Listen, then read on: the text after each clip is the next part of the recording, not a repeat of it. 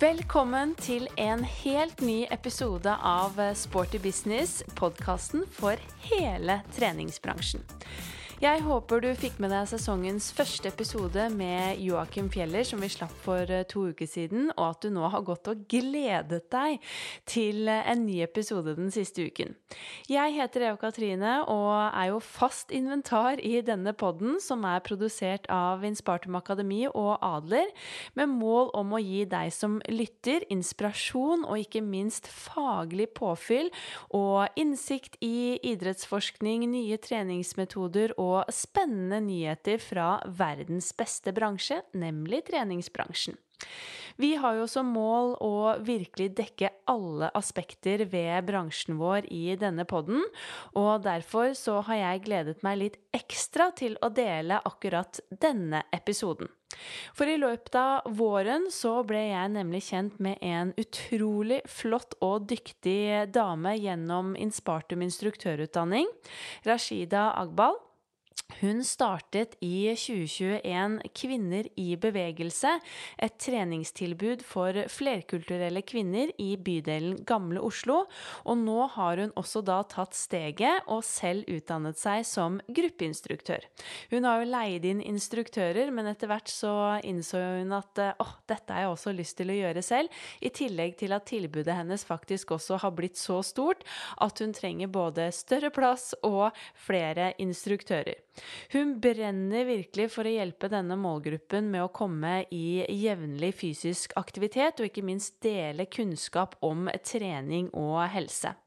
Og som sagt så har tilbudet hennes også blitt så populært at uh, hun stadig må flytte inn i nye lokaler, og det er jo virkelig bare helt fantastisk. Så nå gleder jeg meg til å høre mer om uh, hvordan hun startet uh, Kvinner i bevegelse, hvordan det hele ble til, hva som er er viktig å tenke på i, når man skal legge til rette for trening og aktivitet nettopp for denne målgruppen, og hva hun også tenker eh, om treningsbransjen, og hva vi i bransjen også kan gjøre for å legge til rette på en enda bedre måte. Hjertelig velkommen til Sporty business, eh, Rashida. Det er en stor glede å ha med deg i podden i dag. Tusen takk. Veldig hyggelig å bli invitert og være her. Veldig hyggelig å ha blitt eh, kjent med deg også, for du har jo faktisk tatt eh, Inspartum instruktørutdanning eh, gjennom våren, og det var jo sånn vi møttes. Og det var da jeg fikk litt mer innsikt i hva du faktisk driver med, og hvilket enormt engasjement du har for de rundt deg for å spre treningsglede og bevegelsesglede. Så det er jo det vi skal dypdykke ned i i dag, nettopp dette som du har startet som heter Kvinner i bevegelse. som som er et bevegelses- og treningstilbud for eh, flerkulturelle kvinner, som er helt fantastisk. Og i tillegg få høre litt om eh, ja, din vei inn og hvilke tanker du gjør deg om hva vi i treningsbransjen kan gjøre bedre for å legge til rette for nettopp eh, denne målgruppen. Så jeg er allerede veldig inspirert av hva du har fått til, og gleder meg til å dele dette med lytterne. Så kan du ikke begynne med å gi en sånn liten introduksjon av deg selv? Eh, tusen takk for hyggelige ord. Det er veldig hyggelig å få lov til å være med her. Mitt navn er Rashida, og jeg kommer fra Marokko og bor i Oslo. Er utdannet reseptar og har jobbet med det i noen år, men akkurat nå så er det satt på pause pga. sykdom. Hva er det den utdannelsen din egentlig er? Det er et ord som jeg ikke er så godt kjent med. I hvert fall. Ja, eh, reseptar er jo å jobbe på apotek. Ja, skjønner. Ja. Så det er det som er din eh, formelle kompetanse? Ja, det er det. Det er uh, treårig um, uh, Altså det er um, Først utdannet jeg meg apotektekniker på Sofienberg, som var, en, uh, som var en yrkesskole, men nå har blitt en ungdomsskole. Og så tok jeg videreutdanning på Oslo OsloMet og ble reseptar. Ja, ikke sant. Men når det gjelder trening, da, hva er ditt eget forhold til treningsbransjen?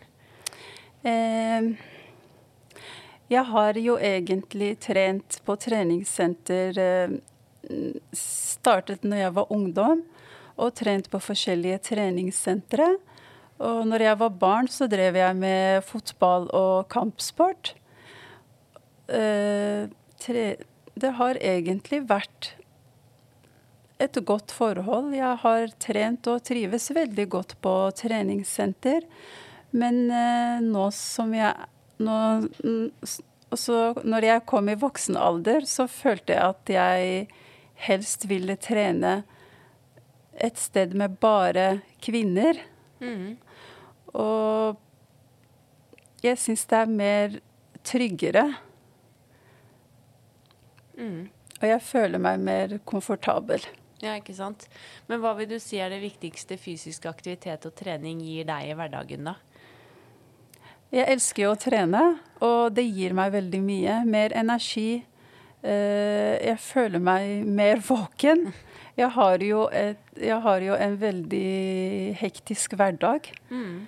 Eh, med, akkurat nå så er jo jobb eh, satt på pause, men jeg driver med et treningstilbud Ja. for flerkulturelle kvinner. og og jobber med det. Og så har jeg jo fire barn, så trenger jeg å si noe mer. Det er tre ungdommer og en på syv år, Ja. så det er mye å passe på. Ikke sant? Da blir det en aktiv eh, hverdag uh, uansett. Ja, det gjør det. Veldig Ja. aktiv. Mm, ikke sant? For å bli litt bedre kjent sånn eh, når det gjelder eh, treningsmessig, da, så tenkte jeg vi skulle bare ta sånne fem eh, små kjappe, hvor du bare kommer med ditt svar raskt og kontant. Så hva liker du best, kondisjon eller styrke? Kondisjon. Morgenøkt eller kveldsøkt? Morgenøkt. Proteinshake eller den gode Litagon? Ingen av dem. jeg drikker vann. drikker vann, ikke sant? Og så blir det kaffe rett etter trening, noe som er så deilig. Ja, nettopp. Eh, egentrening eller gruppetrening? Jeg må få lov til å si begge deler der. Du klarer ikke å velge, altså? Jeg elsker jo tre, altså egentrening. Er, jeg elsker det òg, å løpe alene, trene alene. Men jeg Ja. elsker også gruppetrening. Da blir det liksom Da møter jeg min lille familie. Ja, nettopp. Jeg er enig. Det er eh, veldig gode kvaliteter, eh, begge deler. Ja. Trening utendørs eller innendørs? Kan jeg si begge der òg? Også under pandemien så Det var første gangen jeg skulle trene ute. Og jeg Det var faktisk så gøy. Og jeg hadde jo aldri gjort dette her før. Så det var veldig rart. Men jeg måtte jo gjøre det fordi treningssentrene var stengt. Ja. Og jeg hadde jo ikke noe valg, så da begynte jeg å løpe ute. Mm. Og da har jeg på en måte Fra da så har jeg Jeg har elsket å trene ute. Men selvfølgelig så Alt det andre skjer jo inne. Eh, ja. Og når det er minus 15 midt på vinteren, så er det jo deilig å trekke inn, selv om eh, vi holdt det gående under pandemien utendørs. Og eh, det er jo litt eh, Ja, jeg syns jo det er veldig deilig å kunne trene ute i frisk luft Ja. under åpen himmel, og himmel, og spesielt hvis man har vært inne store deler av dagen, så er det jo faktisk ganske deilig å komme ut. Så jeg har også vedlikeholdt en del av den utetreningen også etter pandemien Ja. selv, for jeg fikk veldig sansen for det. Men du startet jo da, som jeg nevnte innledningsvis, Kvinner i bevegelse i 2021. Eh, også for, fortsatt litt i pandemitid. Ja. Eh, et treningstilbud for eh, kvinner i nabolaget i bydelen Gamle Oslo, for da flerkulturelle kvinner. Kan du ikke fortelle litt om hva Kvinner i bevegelse er, og hvordan den ideen her egentlig kom til? Jo, Kvinner i bevegelse er en uh, forening uh, som ble stiftet i 2021. Uh, ja, litt sånn under pandemien. Og eh, tanken med, med dette tilbudet var å opprette et treningstilbud for flerkulturelle kvinner. Jeg Opplevde du da at det var eh, vanskelig å finne et sånt tilbud i nærområdet ditt? Jeg tenkte jo mer på Jeg tenkte mer på kvinnene som ikke kunne Som ikke hadde noen mulighet til å trene. De hadde jo lyst til å trene, men jeg følte Eller de følte at det var få muligheter. Og da kom jo tanken på at eh, OK, da starter jeg et tilbud. Og, og da kan de få mulighet da, til å komme og trene. Mm. Og når jeg snakket med disse kvinnene, så var det Muligheten var der. Men så var det jo vanskelig, fordi de hadde barn. Hvem skulle passe barna når de var på trening? Mm. Og da satte vi inn barnevakter som kunne passe dems barn under trening. Så vi prøver jo å gjøre det Det er et lavterskeltilbud, Mm. men vi prøver å gjøre det så enkelt som mulig, slik at det kan bli lettere for dem å komme på trening. Mm. Hva er det Kvinner i bevegelse tilbyr per i dag, da? Eh, på starten så mm, Også hele ideen ble, ble jo presentert for eh, et nabolagsinkubator, Tøyen Unlimited på Tøyen. Jeg kom med ideen min der, og så ble den drøftet i styret, og så ble den godkjent. Og etter det så fikk jeg et lite tilskudd. Mm. Og dette tilskuddet gjorde da at jeg startet først da markedsførte tilbudet og snakket med forskjellige aktører i nabolaget. Og så måtte jeg jo finne en plass, også en, en treningssal, da. Mm. Og det var jo ikke så enkelt på starten, men jeg ville jo prøve å få dette her til. Så vi fant jo en sal, og, og hadde trening da én gang i uke på starten. Mm. Fordi det var jo ganske nytt. Og det var veldig godt. Det var på start, Og så var det jo under pandemien, så man kunne jo ikke ha så mange på trening. Nei, ikke sant. Det var jo Jeg tror det var 20 da. Så vi startet jo opp der og var et sted i tre måneder. Og da fikk vi beskjed om at vi ikke kunne bruke den salen mer. Og så ble det satt litt på pause. Jeg tror det var i to måneders tid. Og så jobbet jeg med å finne et nytt sted. Og da tok jeg kontakt med eh, Frivillighetshuset på Tøyen K1 og fortalte dem om mitt tilbud. Og de syntes jo at det, var, at det hørtes veldig bra ut. Så jeg fikk låne en sal hos dem. Ja, fantastisk. Ja. Men i dag da, har dere flere treninger i uken, eller er det fortsatt én ja, vi har trening to dager i uken. Ja. Og så har vi jo også et samarbeid eh, Og så har vi også en samarbeidsavtale med Frisklivssentralen i Bidel, Gamle Oslo. ja. Eh, de spurte meg om jeg kunne samarbeide med dem.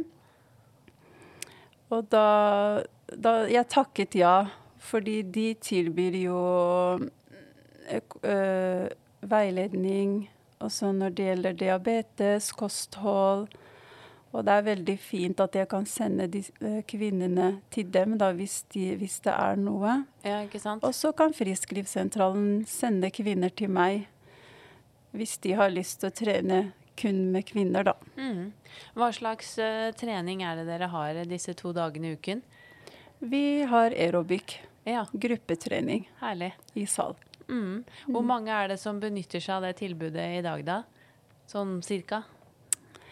Eh, disse salene er jo ikke så veldig, veldig store, men det, det høyeste vi har hatt, det er 36 damer. Ja, herlig. Og det har det jo vært siste tiden. Derfor har plass vært en, har vært en utfordring i dette prosjektet. Mm. Så dere trenger egentlig bare mer plass? Ja, vi trenger mer Ja. plass.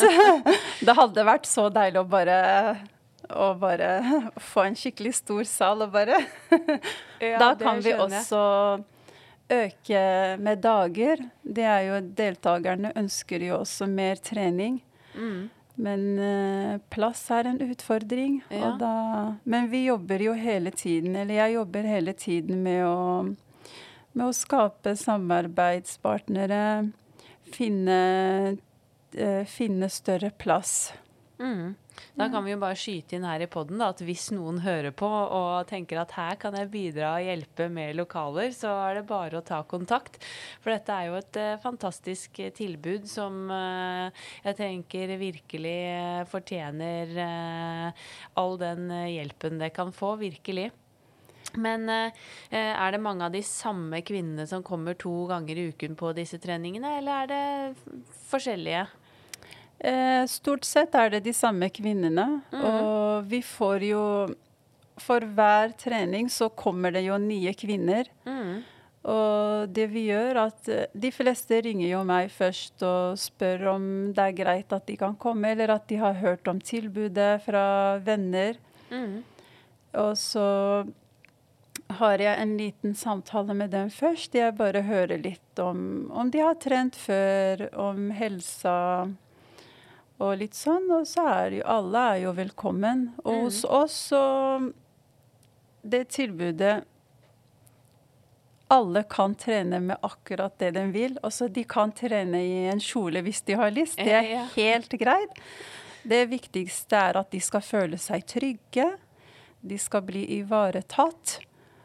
Og, og de skal kunne trene på den måten de selv ønsker. Mm. Og jeg tror det er derfor de kommer tilbake. De føler seg veldig trygge. Og vi har mange kvinner f.eks. som ikke går med hijab til hverdag, men de kommer og trener hos oss fordi de føler seg komfortable. Ja. Mm. Og de sier at uh, De sier at det er litt vanskelig å trene på treningssenter med Altså sånn åpent, da. At ja. det er litt vanskelig. Mm. Og at de heller foretrekker et sted med bare kvinner. Mm. Nettopp. Men hvem er det som eh, holder disse treningene per i dag? For jeg vet jo at uh, som sagt at du nå har tatt uh, instruktørutdanning og har en plan om å bidra også med selve treningene. Men har du leid inn instruktør så langt, eller hvordan har det ja. vært organisert? Ja, per i dag så har vi innleid instruktør. Ja. Og så håper jeg at uh, til høsten at jeg kan kjøre noen timer selv. Ja, det er nesten en drøm. ja, det... Og, mm. og så men i disse timene så Det er mange kvinner. Uh, noen har trent før, noen har ikke. Men vi kjører ordentlige kondisjonstimer. Vi vil jo at at de skal svette og samtidig ha det gøy. Men, mm. Og de kan trene på deres tempo. Og noen er jo veldig flinke og har trent i flere år, og, mm, så derfor kjører vi jo ett Vi kjører ett program. Mm. Mm. Ikke sant. Men vet du, finnes det mange lignende sånne tilbud ellers i landet? Eh, i landet så vet jeg ikke. Men uh, jeg har jo fått uh, et tilbud om å åpne lignende tilbud annen, i en annen bydel. Ja, så spennende. Det så dette er kanskje starten på noe større? Ja, du, det håper jeg. Eh, ja. Men kjenner du til noe tall eller statistikk når det kommer Eller med tanke på hvor mange prosent av din målgruppe, eller da flerkulturelle kvinner som faktisk er fysisk aktive og trener? Ja, nei, du, jeg har ikke noe eksakte tall. Det, men uh, det vi gjør nå, er at vi jobber med, med å måle effekt. Mm, ja. På hvor mange som, som trener, og på hvor mange som ikke trener. Og så skal vi prøve å finne ut hvorfor de som ikke trener, hvorfor gjør de ikke det? Hva er det som holder dem mm. unna trening? Og så noe som er så viktig for uh, helsen. Nettopp. Ja, for det er jo mange i den målgruppen, tenker jeg, som uh, ikke eh, er fysisk eh, aktive nok i dag. Og det gjelder jo også generelt for hele befolkningen. Vi trenger jo å få flere i aktivitet. Men dette er jo også en målgruppe som kanskje ikke føler seg så inkludert, som du sier, kanskje på det vanlige treningssenteret, som trenger litt eh, andre typer arenaer å, å, møtes på for at det skal føles ja, inkluderende, trygt, og at det skal passe den måten de ønsker å både bevege seg på og utfolde seg fysisk. Men hvordan tenker du at den eller at må, eh, treningsbransjen i dag faktisk legger til rette for denne målgruppen, hvis vi i det hele tatt gjør det? Eh, jeg er litt usikker, fordi jeg tror ikke Jeg tror ikke treningsbransjen tenker så mye på denne målgruppen. Nei. Eh, jeg trener selv på et jentegym.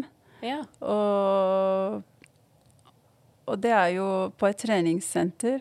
Men det er veldig mye som mangler. Det er trangt, det er få apparater. Og noen ganger så kan det være ganske fullt på jentegym. Mm. og der er det jo ikke flerkulturelle kvinner. Det er jo Og så tenker jeg jo Det er fortsatt mange kvinner som vil trene med bare kvinner. Ja. Så jeg tenker hvis treningsbransjen hadde økt med dette, da, hatt mm. en egne, egne rom for jentegym f.eks., men akkurat som det Altså akkurat som på utsiden, da, at det blir helt likt. Eh, ja, nettopp. Og at bare en jentegym skal være et lite rom med noen apparater og, og sånn, det syns jeg ja. ja. Litt uh, Ja, jeg ser hva du mener, at det kunne vært det samme tilbudet. Ja. Men hvilket uh, gym er det du trener på i dag, da? På 24-7. Ja. Det er jo de eneste som har jentegym, tror jeg. Mm, ja, det stemmer vel, det. Ja. Mm. Men hva tror du er grunnen til at mange kvier seg for å trene på et treningssenter sånn som det er i dag, da? Eller å benytte seg av andre på en måte lignende tilbud? For de kvinnene jeg kjenner, eller den målgruppen, så tror jeg veldig mye Det kan være snakk om, eh, om kropp, om kroppen. Ja. Og kleskoder. Mm.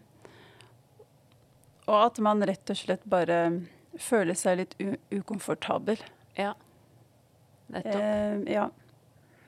Når du sier kropp, tenker du da på liksom det kroppsfokus eller kroppspresset ja. som, litt, eh, som det fortsatt er litt for mye av, for å si det sånn, i bransjen i dag? Ja, det er akkurat det jeg mener. Mm. Men har du selv, eller du, er det noen du kjenner som har vært på treningssenteret, og som på en måte har fortalt eh, om sine erfaringer eller opplevelser fra å ha altså prøvd å teste et vanlig treningssenter? Ja. Jeg det er ikke så lenge siden jeg snakket med en uh, dame fra Somalia. Mm. Godt integrert kvinne. Uh, jobber. Uh, går ikke med hijab. Og hun fortalte meg da at hun hadde trent Hadde prøvd å trene på treningssenter. Og, og hun måtte da slutte fordi hun følte seg veldig ukomfortabel og følte seg ikke trygg. Nei. Og det gjorde det veldig vanskelig for henne å, å gå på trening, da. Mm. Når du sier ordet trygg, kan du beskrive litt mer hva du legger i det? På en måte Den følelsen av å være trygg på et uh, senter? Og trygg på et senter er at uh, Det jeg forbinder med ordet trygg, er at når du kommer på senteret, at du på en måte føler at du kan gjøre ting, da. Uh, uten at du føler at du gjør det feil. Ja. Hvis du skjønner hva jeg mener. ja, ja. Fordi hvis du er på et treningssenter, så må du gjøre ting på egen hånd og løfte vekter, bruke maskiner. Mm. Og det er jo mange som ikke klarer å gjøre dette, og det er for lite hjelp å få. Mm. Og da blir man jo veldig Da kan man føle seg utrygg. Ja, absolutt. Men så som de kvinnene som trener i Kvinner i bevegelse, da, eh, med dine instruktører og etter hvert deg, eh, hva er det de eh, forteller etter å ha liksom begynt på treningen, sånn med tanke på ah, Kan du dele noen historier og erfaringer om hvilket møte de har hatt med å komme i gang med fysisk aktivitet, f.eks.? Jo, det er jo Jeg eh, på denne, altså på denne gruppa Vi er på en måte som en sånn liten familie. Eller vi har både blitt gode venner, og, og mange kjenner jo hverandre. Mm. På, og mange tar med venner. Og det, det, er, det, jeg hører, eller det jeg har hørt, er at eh, kvinnene sover bedre, f.eks. Ja.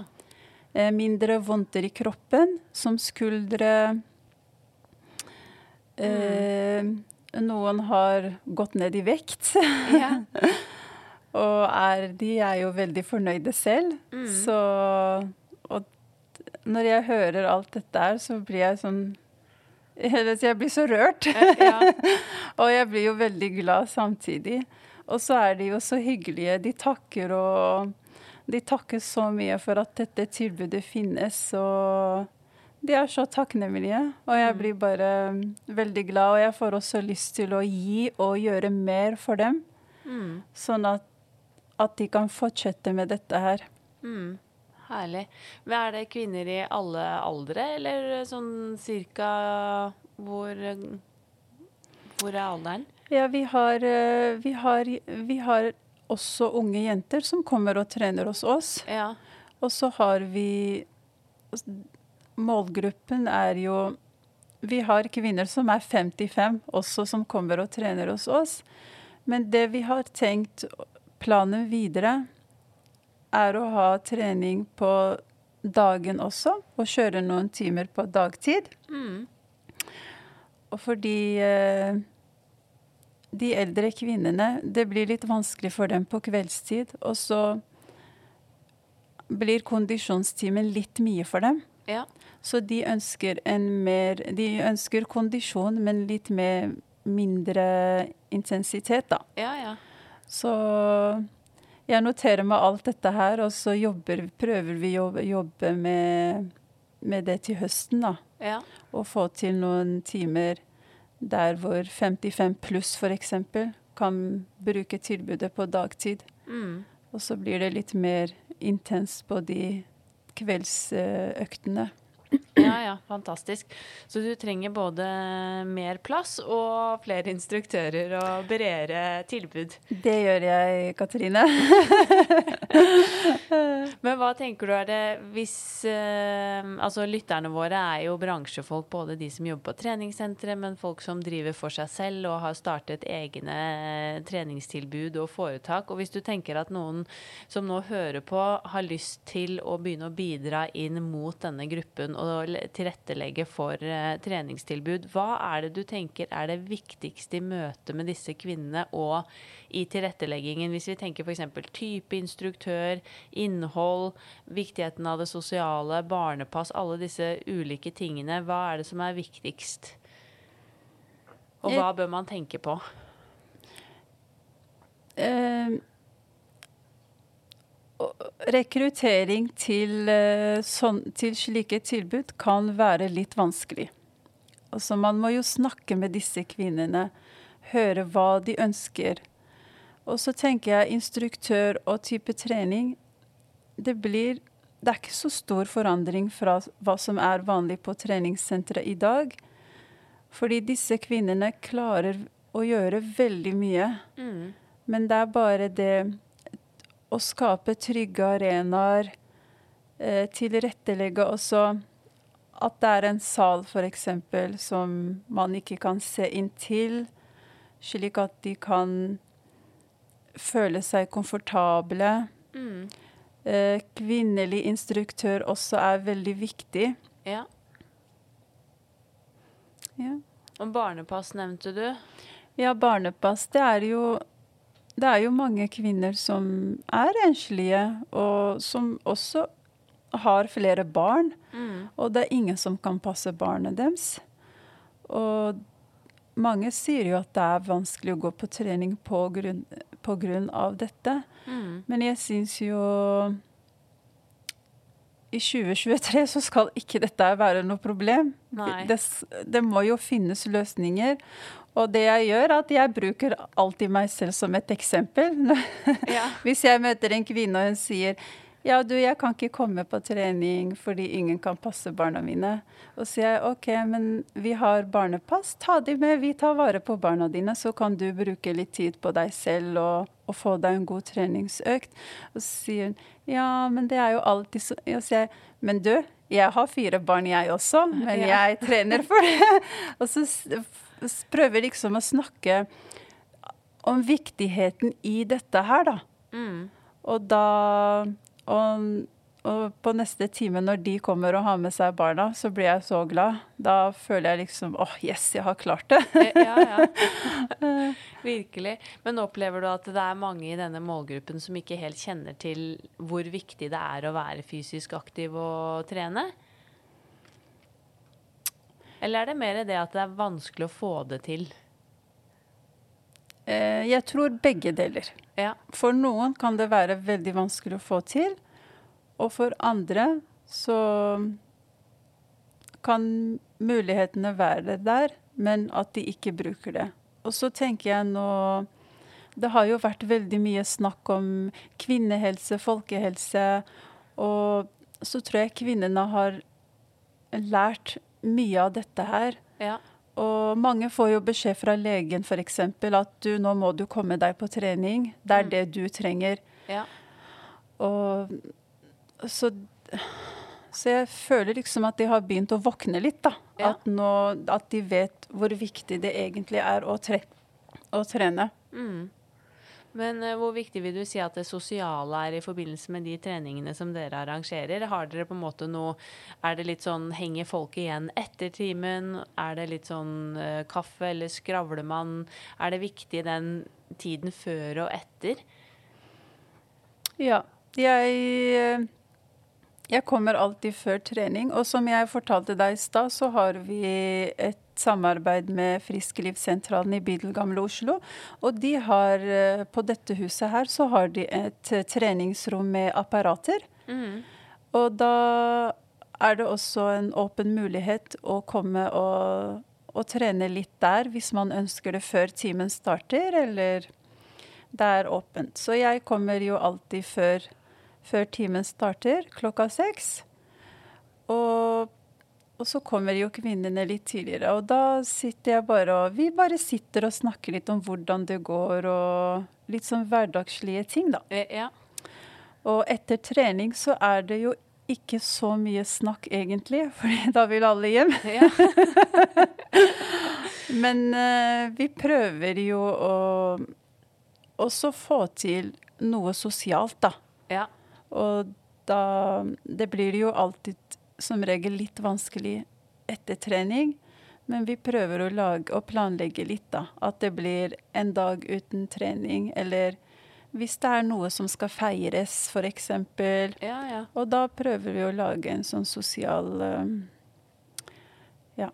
Mm. sosial samling, da. Ja, men uh, på et sånn treningstilbud litt sånn rettet mot denne målgruppen, eh, tror du de fleste da generelt ønsker å dra rett hjem etter trening, eller er det viktig med garderobefasiliteter?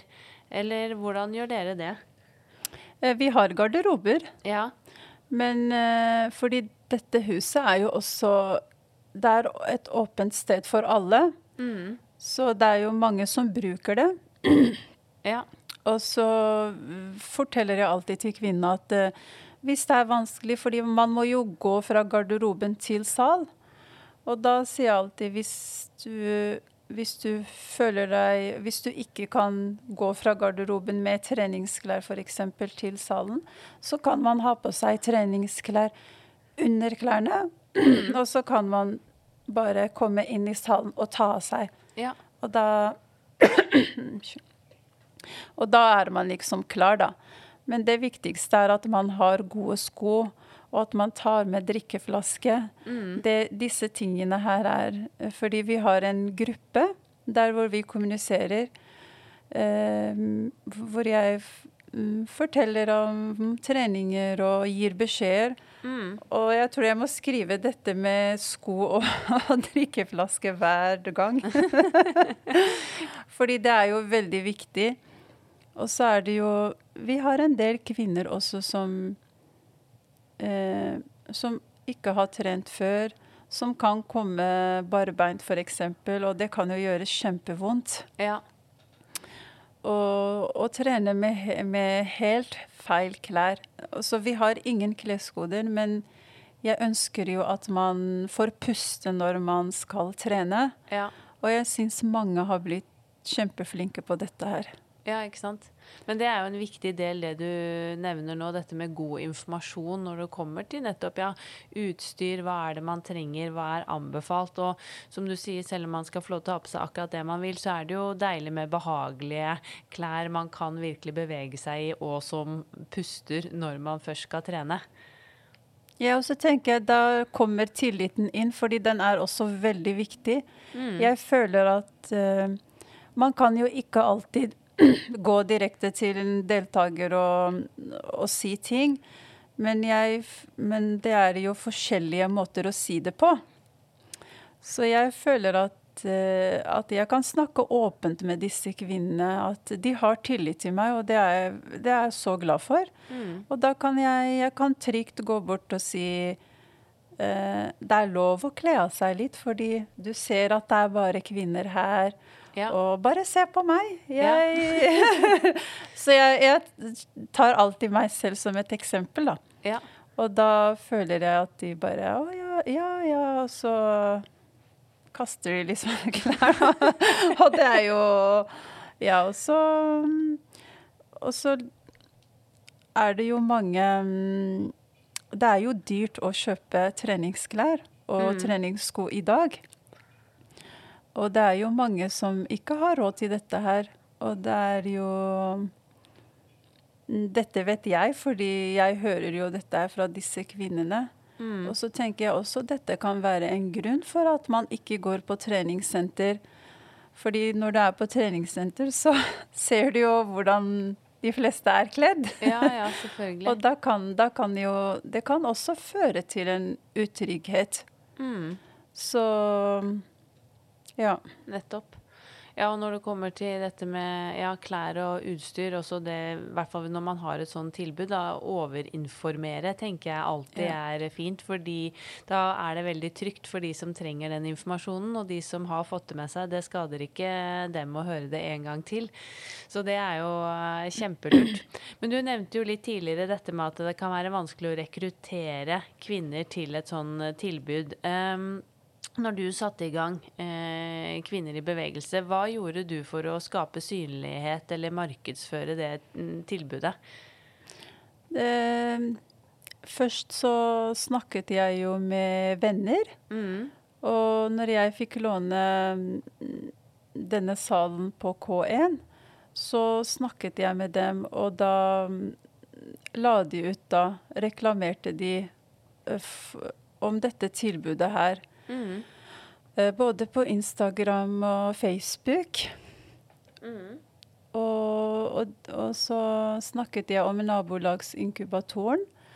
De også, vi har jo samlinger der òg, og der møter jeg jo forskjellige folk og forteller da om mitt tilbud og hva målene er med tilbudet. Og vi inviterer også Nav f.eks.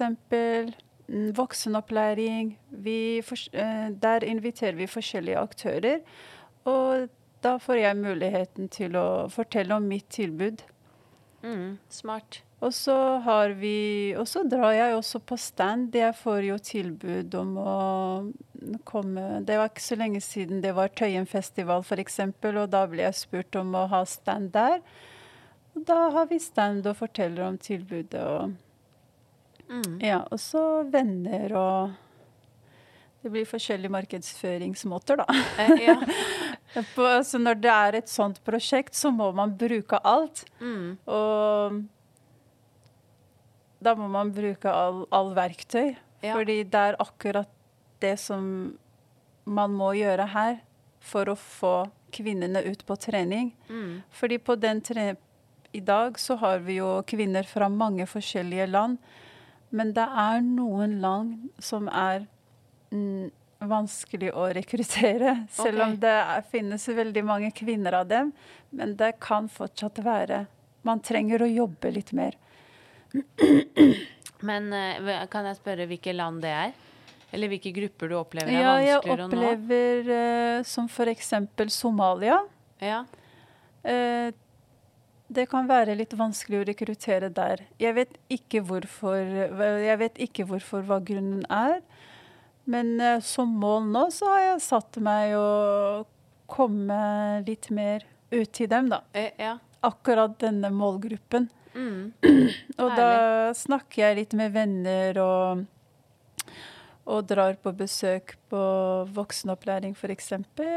Eller det kan bare Hvis de sitter bare i en park, så ja. kan jeg bare gå bort og snakke med dem om trening, faktisk. Mm. Og så den siste tiden De har begynt å komme, men må jobbes litt mer der. Ja, fantastisk. Jeg tenker jo det er veldig relevant, som du sier, å oppsøke av voksenopplæring, Nav, få samarbeidsavtaler med frisklivssentraler. For du har jo på en måte mange venner og en fot innenfor miljøet, men hvis det er andre også, tenker jeg, som ønsker å nå ut til denne gruppen, så må man jo virkelig aktivt jobbe for å klare å nå ut, og ikke minst skape tillit til at disse menneskene skal komme og tørre å komme på eh, trening eller et sånn eh, treningstilbud. Det er jo kjempeviktig.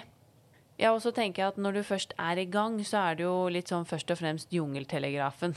Eh, dette her at noen forteller til noen de kjenner at dette er et fantastisk tilbud, og så drar man med venner og bekjente, og så sprer det seg sånn. Men i starten så må man jo liksom klare å nå ut til de første, og det er jo det som er eh, utfordrende.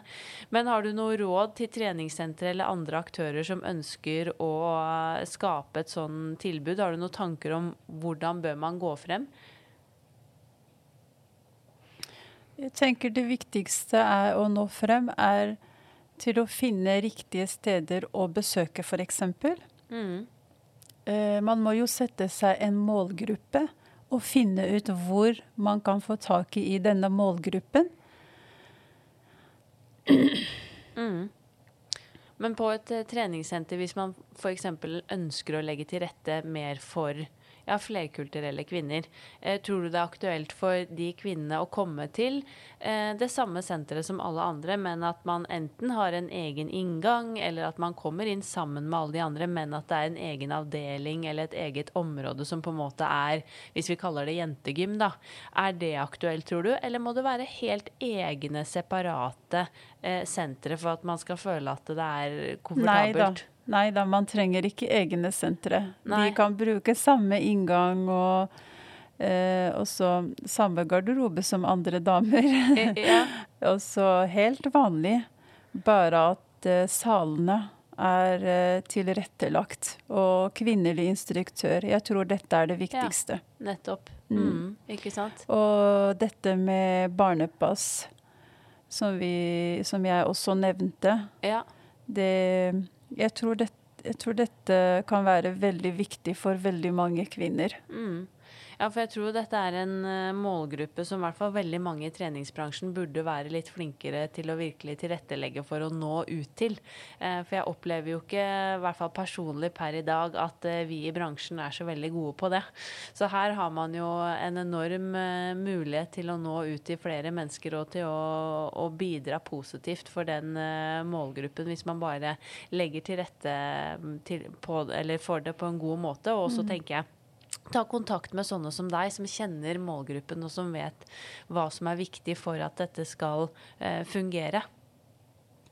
Men vi i treningsbransjen vi ønsker jo å være en folkehelseaktør, og vi sier jo at vi er en arena for alle.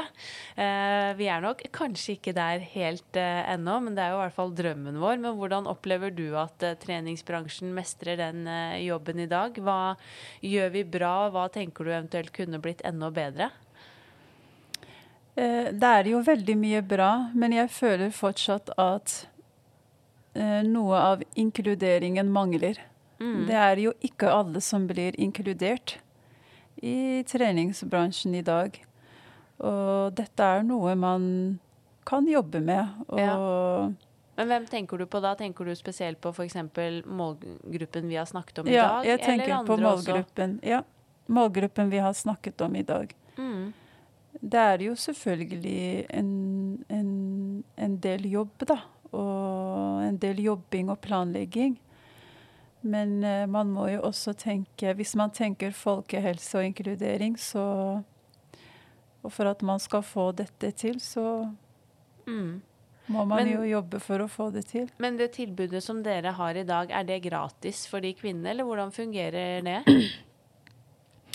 Akkurat eh, per i dag så er det gratis. Mm. Men eh, målet fremover er å Det er medlemskontingent. Ja. Mm. Dette er jo både for å For å få inn penger Ja. og ha dette som penger som vi kan bruke på andre ting, som Mm. går igjen til prosjektet. ja.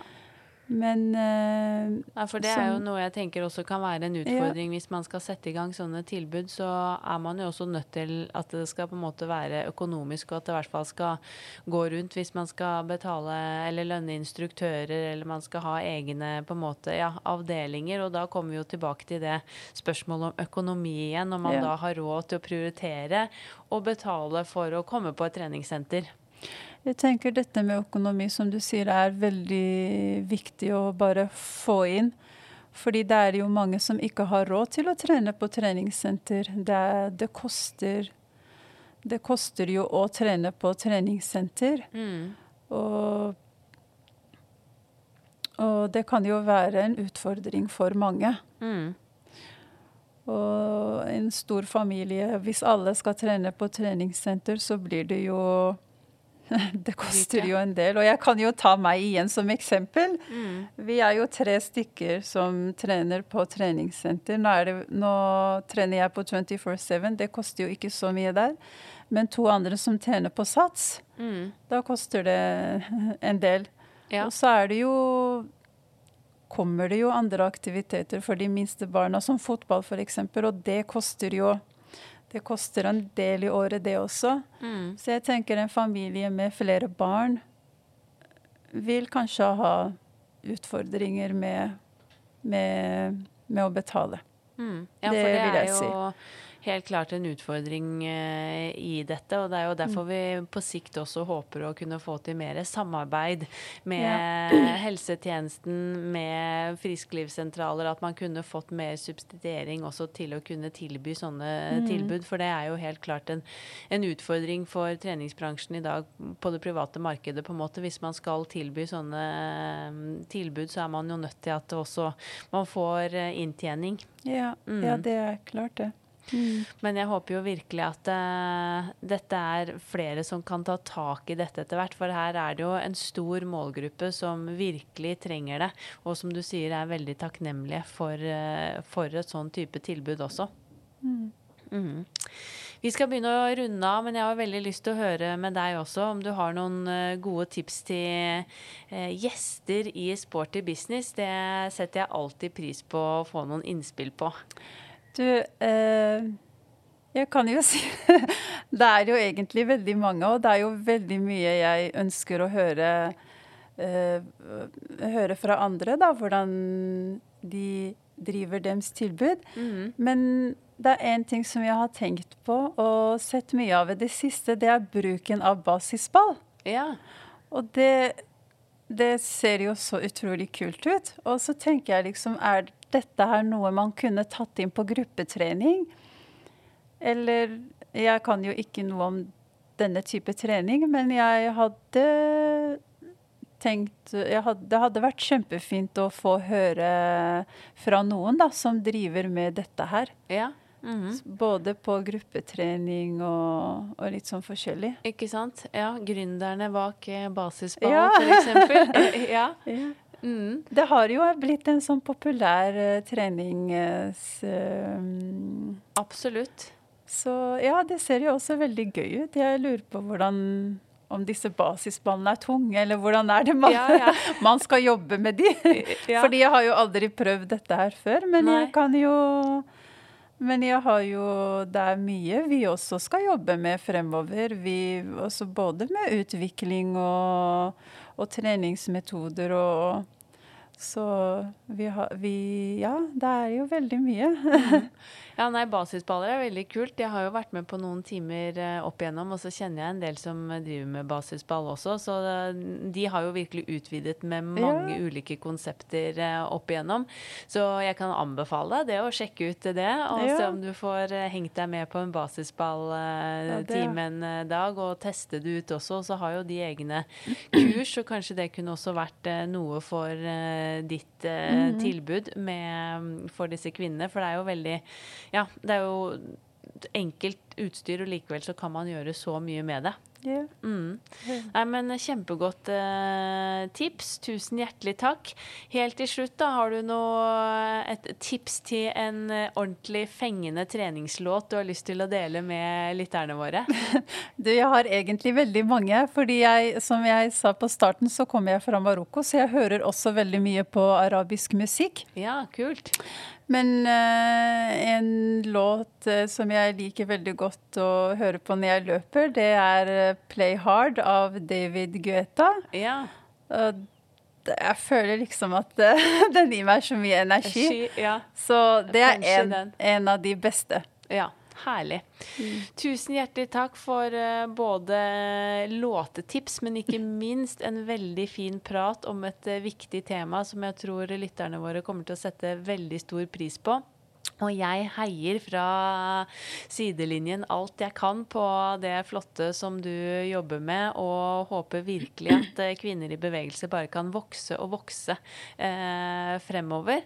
Så tusen hjertelig takk for at uh, du tok deg tid, Rashida.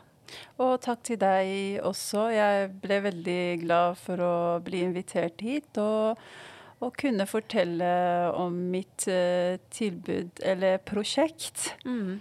Og ja. Jeg gleder meg til å Veldig. følge med fremover. Tusen takk. Og jeg må bare si at eh, dere også gjør en, på Inspartum gjør en utrolig god, god jobb. Altså jeg bare Kan jeg si jeg elsker dere? Å, tusen hjertelig takk. Jeg bare, dere har så fine altså det er fine folk og veldig inspirerende å, få følge dere. Så det er bare jeg får så mye også mye motivasjon og tips. Og dette kan jeg jo selv bruke videre, og det er jeg så glad for. Tusen hjertelig takk. Mm. Veldig, veldig hyggelig å høre. Takk til deg òg.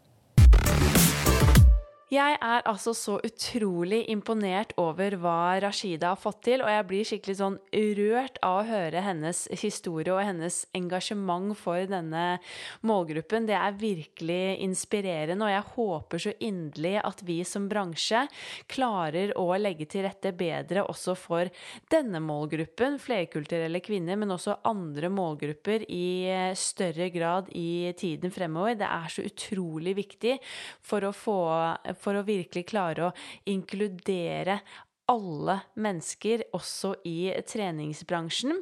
Så jeg håper i hvert fall at du fikk eh, litt mer innsikt i hva som er viktig for å hjelpe denne målgruppen med å komme i gang med aktivitet, for å opprettholde aktiviteten, og at du kanskje har fått noen nye ideer. Og jeg vet også at eh, Rashida hun er åpen for å hjelpe andre i gang med tilsvarende tilbud, så det er bare å se til Kvinner i bevegelse, og gjerne ta kontakt. Men da skal vi runde av for uh, denne gang. Jeg gleder meg jo alltid til ny pod om nøyaktig to uker. Og så vil jeg også bare minne deg om at hvis du er instruktør, personlig trener, fysioterapeut eller uh, jobber med mennesker i uh, trening og bevegelse, så har vi i Inspartum et påbyggingskurs. Det er online. Den 30. september med Mathilde Pilskog i spissen, som omhandler trening for eh, gravide både under og etter svangerskap. Så det er et kjempegodt eh, kurs. Og hvis du er interessert, gå inn på inspartum.no under påbyggingskurs og les mer. Og så kanskje ses vi gjennom skjermen den 30. Eh, september. Og så er det jo Viktig å huske på at Inspartum Boost, vår egen convention, går av stabelen 18 18.11., og nå har vi også sluppet full timeplan, så det kommer til å bli en sykt bra treningsfest, så den må du også gjerne sjekke ut. Og så håper jeg kanskje at vi sees der også i løpet av eh, høsten. Følg oss i sosiale medier på Instagram at Sporty Business Podcast, og bli med i Facebook-gruppen vår Sporty Business. Og legg gjerne igjen en kommentar eller rating, eller kom med innspill til gjester eller tema som du ønsker å høre i podden. Ha en sporty og strålende dag og uke videre, så poddes vi snart igjen. Denne podkasten produseres av Inspartum Akademi og Adler.